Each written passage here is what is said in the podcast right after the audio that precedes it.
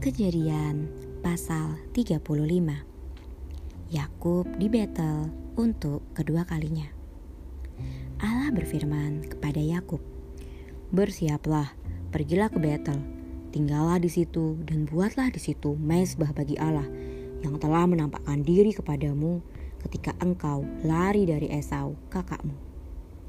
Lalu berkatalah Yakub kepada seisi rumahnya dan kepada semua orang yang bersama-sama dengan dia.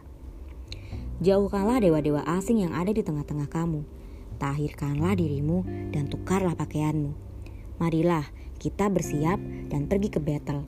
Aku akan membuat mesbah di situ bagi Allah yang telah menjawab aku pada masa kesesakanku dan yang telah menyertai aku di jalan yang kutempuh. Mereka menyerahkan kepada Yakub segala dewa asing yang dipunyai mereka dan anting-anting yang ada pada telinga mereka. Lalu Yakub menanamnya di bawah pohon besar yang dekat Sikem. Sesudah itu berangkatlah mereka dan kedahsyatan yang dari Allah meliputi kota-kota sekeliling mereka sehingga anak-anak Yakub tidak dikejar. Lalu sampailah Yakub ke Luz yang di tanah Kanaan, yaitu Betel, ia dan semua orang yang bersama-sama dengan dia.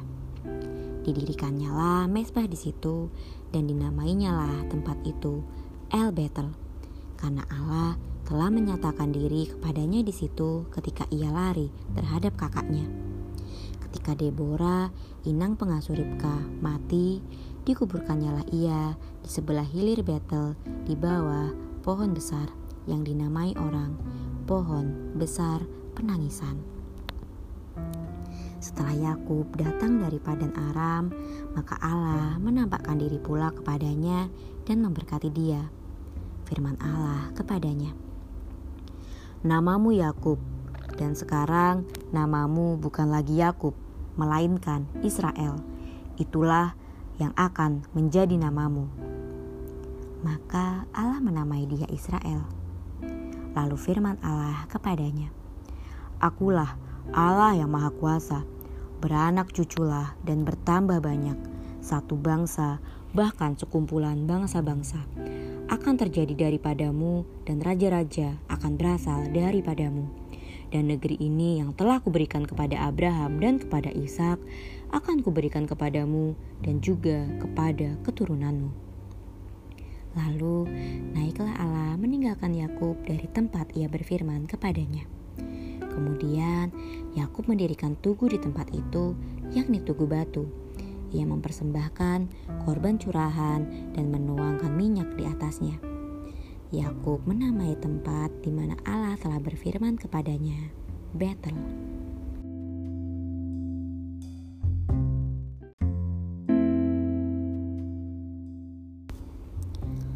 Kelahiran Benyamin, Rahel mati. Sesudah itu berangkatlah mereka dari Betel.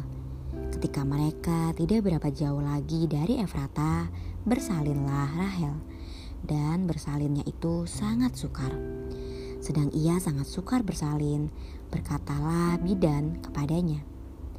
Janganlah takut, sekali ini pun anak laki-laki yang kau dapat dan ketika ia hendak mengembuskan nafas, sebab ia mati kemudian, diberikannya lah nama Ben Oni kepada anak itu. Tetapi ayahnya menamainya Benyamin. Demikianlah Rahel mati, lalu ia dikuburkan di sisi jalan ke Efrata, yaitu Bethlehem.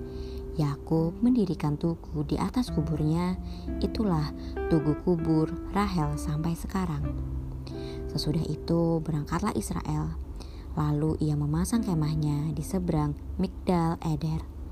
Ketika Israel diam di negeri ini, terjadilah bahwa Ruben sampai tidur dengan Bilha, gundik ayahnya, dan kedengaranlah hal itu kepada Israel.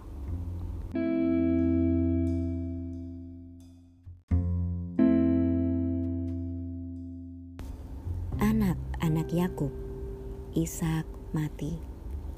Adapun anak-anak lelaki Yakub 12 orang jumlahnya. Anak-anak Lea ialah Ruben, anak sulung Yakub. Kemudian Simeon, Lewi, Yehuda, Isakar, dan Sebulon. Anak-anak Rahel ialah Yusuf dan Benyamin. Dan anak-anak Bilha, budak perempuan Rahel, ialah Dan serta Naftali. Dan anak-anak Zilpa, budak perempuan Lea, ialah Gad dan Asher. Itulah anak-anak lelaki Yakub yang dilahirkan baginya di Padan Aram. Lalu sampailah Yakub kepada Ishak ayahnya di Mamre dekat Kiryat Arba. Itulah Hebron, tempat Abraham dan Ishak tinggal sebagai orang asing. Adapun umur Ishak 180 tahun. Lalu meninggallah Ishak. Ia mati dan dikumpulkan kepada kaum leluhurnya. Ia tua dan suntuk umur. Maka Esau dan Yakub, anak-anaknya itu, menguburkan dia.